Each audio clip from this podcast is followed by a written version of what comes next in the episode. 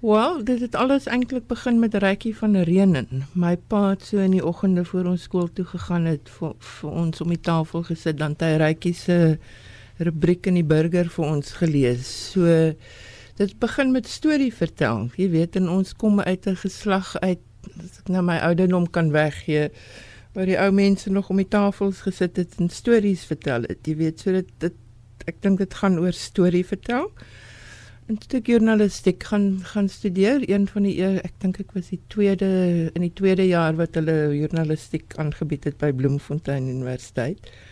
By die Transvaaler gewerk en toe op die kunsblaaie begin werk en so met die mense in die filmwêreld bekend geraak.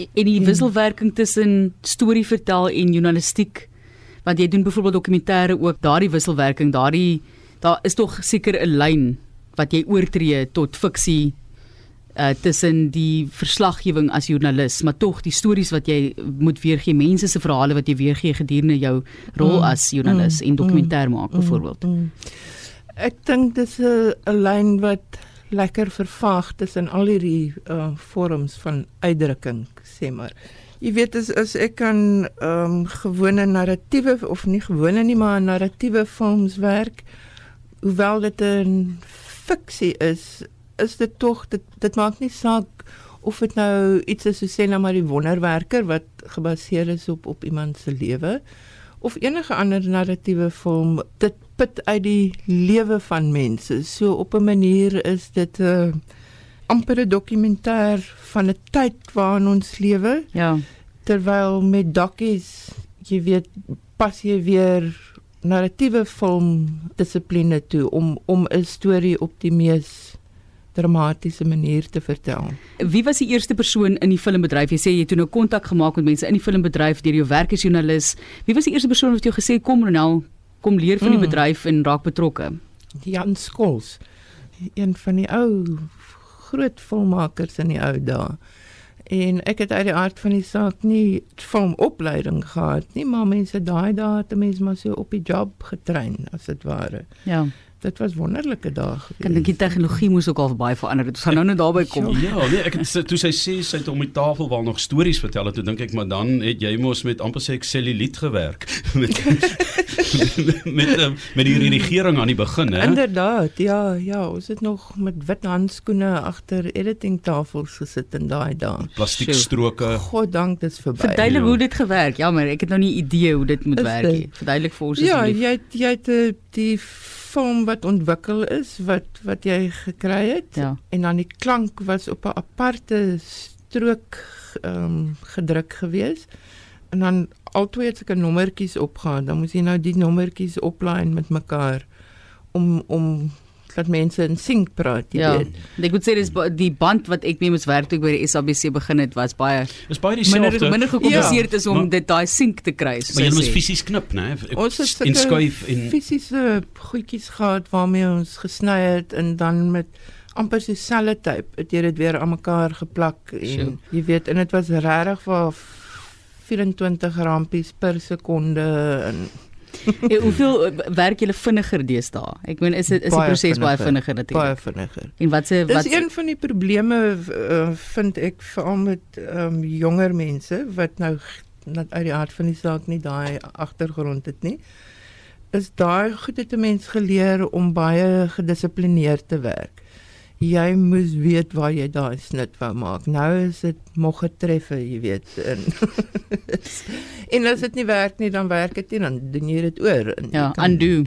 Dan undo jy, ja, Apple Z vir die Ronelma, jy weet om te skryf is een manier om uh, van teks gebruik te maak om 'n storie te vertel, maar visueel moet 'n mens se kop ook daai aanpassing kan maak. Almal kan dit nie doen nie.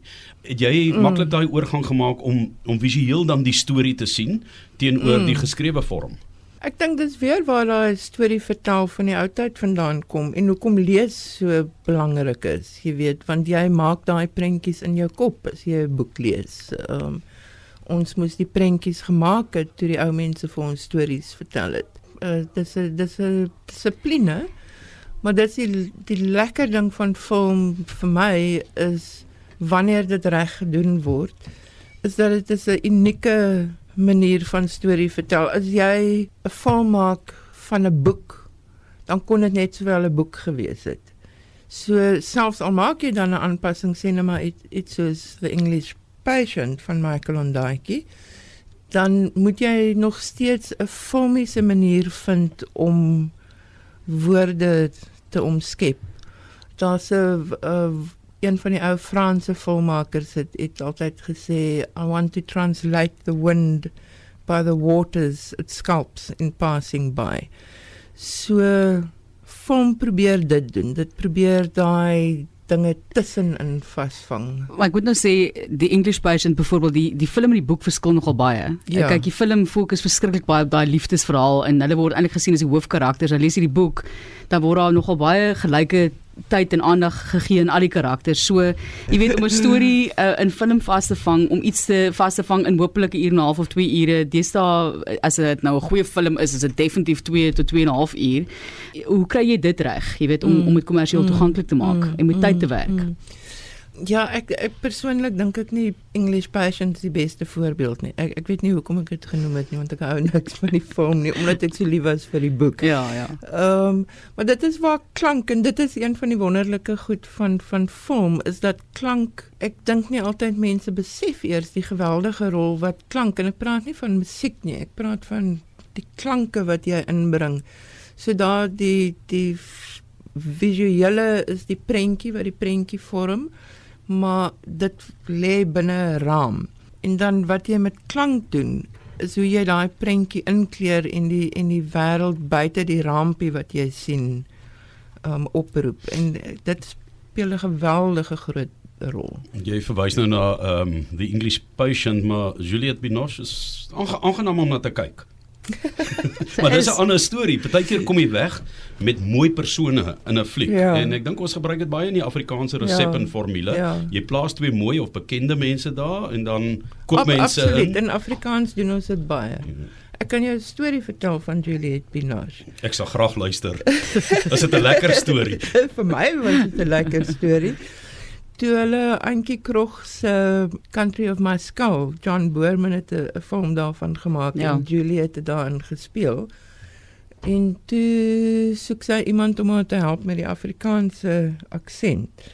Dit ek vir 6 weke by haar gaan woon in Parys en uh dit was vreemd geweest om vir Juliet Binoche te probeer leer om grammadulas te sê.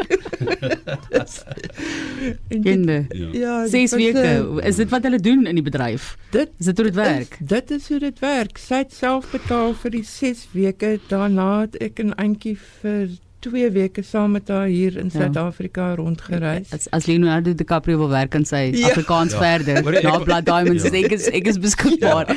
Ek, ek was ook 6 weke beskikbaar. ja. Kom ons gesels gou oor die mees uitdagende dokumentêre en mees uitdagende films wat jy nou by betrokke was. Ek sien dinge soos Robert Mugabe What Happened, byvoorbeeld Congo in 4 acts. So vertel ons wat was vir jou die mees uitdagende en watter vorm is vir jou die mees uitdagende? Wel die vorm wat ek definitief die meeste geniet is die narratiewe films. Ek sou vir jou twee van die groot films noem wat vir my een was film met die naam van Carmen Kaelicha. Die Afrika Carmen. Carmen ja, ja, ja, en dit was 'n ongelooflike ervaring en ons het baie tyd spandeer daaraan, baie geld ook en uh, dit het uiteindelik die goue beer toekenning by die Berlyn fees gewen wat een van die groot um filmfeeste in die wêreld is. Dit en en en ek dink my volgende uh gunsteling film om aan te werk sal dalk wys hoe ek voel oor die goed.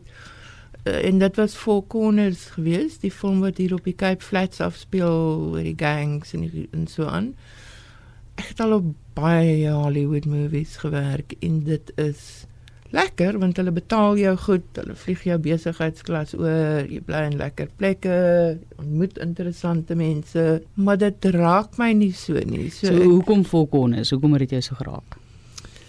Weet jy Brendan wat die hoofrol gespeel het, het eendag na my toe gekom en hy het letterlik trane in sy oë gehad en vir my gesê dit het vir hom gevoel asof sy hele lewe voorbereiding was vir die film omdat dit sy mense en sy storie is Maar dis daai ding van om om mense raak te sien en ek dink dit is deel van die dokumentêre wat wat lekker is. Dis 'n manier om, jy weet, ons loop by mekaar verby en en so en ons sien mekaar nie altyd raak nie. En wanneer jy die voorreg het dan om op dakkies te werk of dit nou oor AIDS is of een of ander ding in Angola, jy kry die geleentheid om regtig mense te leer ken en jou land te leer ken en daardeur jouself te leer ken. Jy as redigeerder, wat sê jy voorstel wat is die beste raad wat jy nou vir iemand kan gee wat baie passievol daaroor is op watter ouderdom ook al?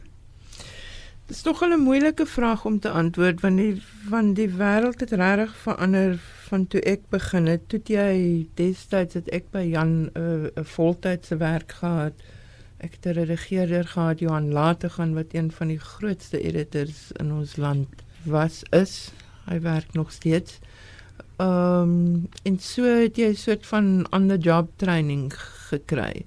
Daar was nie regtig filmskole gewees nie en oorsee is baie duur uit die aard van die saak. Vandag het ons een die die grootste seker afte, uh, baie studente wat sin toe gaan. En daar leer jy die tegniek en, en so, maar ek vind werklik waar dat wanneer ek met jong mense werk, die jong mense wat dit maak, boonbehalwe toewyding uit die aard van die saak is is jong mense hoe weier jou belangstellingsveld is. Ehm um, jy kan nie net ingaan en dink o ek gaan kyk meeste van die studente sê hulle wil regisseurs wees. Nou dis 'n lang pad om te loop tensy jy 'n uh, uh, geniaal is. Maar vir my is die belangrike ding om geletterd te wees. Nie net in terme van lees nie, hoewel ek dink dit geweldig belangrik is. Jou musiekbelangstelling moet wyd wees, maar jou belangstelling in die wêreld waarin jy leef is die belangrike ding. Jy ehm um, ek weet nie sonder empatie kan jy tog nie uitdrukking gee aan aan ander mense se gevoelens nie. Want ek weet nie wat die Afrikaanse se woord is nie, maar jy jy leef jy leef eintlik jou eie emosies uit deur dit wat op die skerm voor jou gebeur wanneer jy sny. En om ook dalk jouself in ander persone van daai karakter se skoene te kan plaas om te Absoluut. kan sien wat of ervaar wat hulle voel of 'n ja. uh, idee te gee van wat ja. hulle ook voel.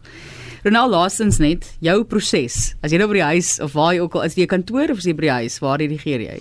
Deesdae hoofsaaklik van die huis. Okay, ek so nie daarvan om weg te gaan van my diere en my groentetuin nie. en maar kan maar ek het nou so gevoel sy gaan dalk in die groentetuin bietjie boer wanneer sy net daar oor en na oë wil rus want daar kom 'n punt waar jy moet wegloop daarvan af en weer terugkom. So wat is jou afskakelmetode om net bietjie weg te kom van daai proses? Ek het lees. Verlede jaar het ek 99 boeke gelees, het ek getel.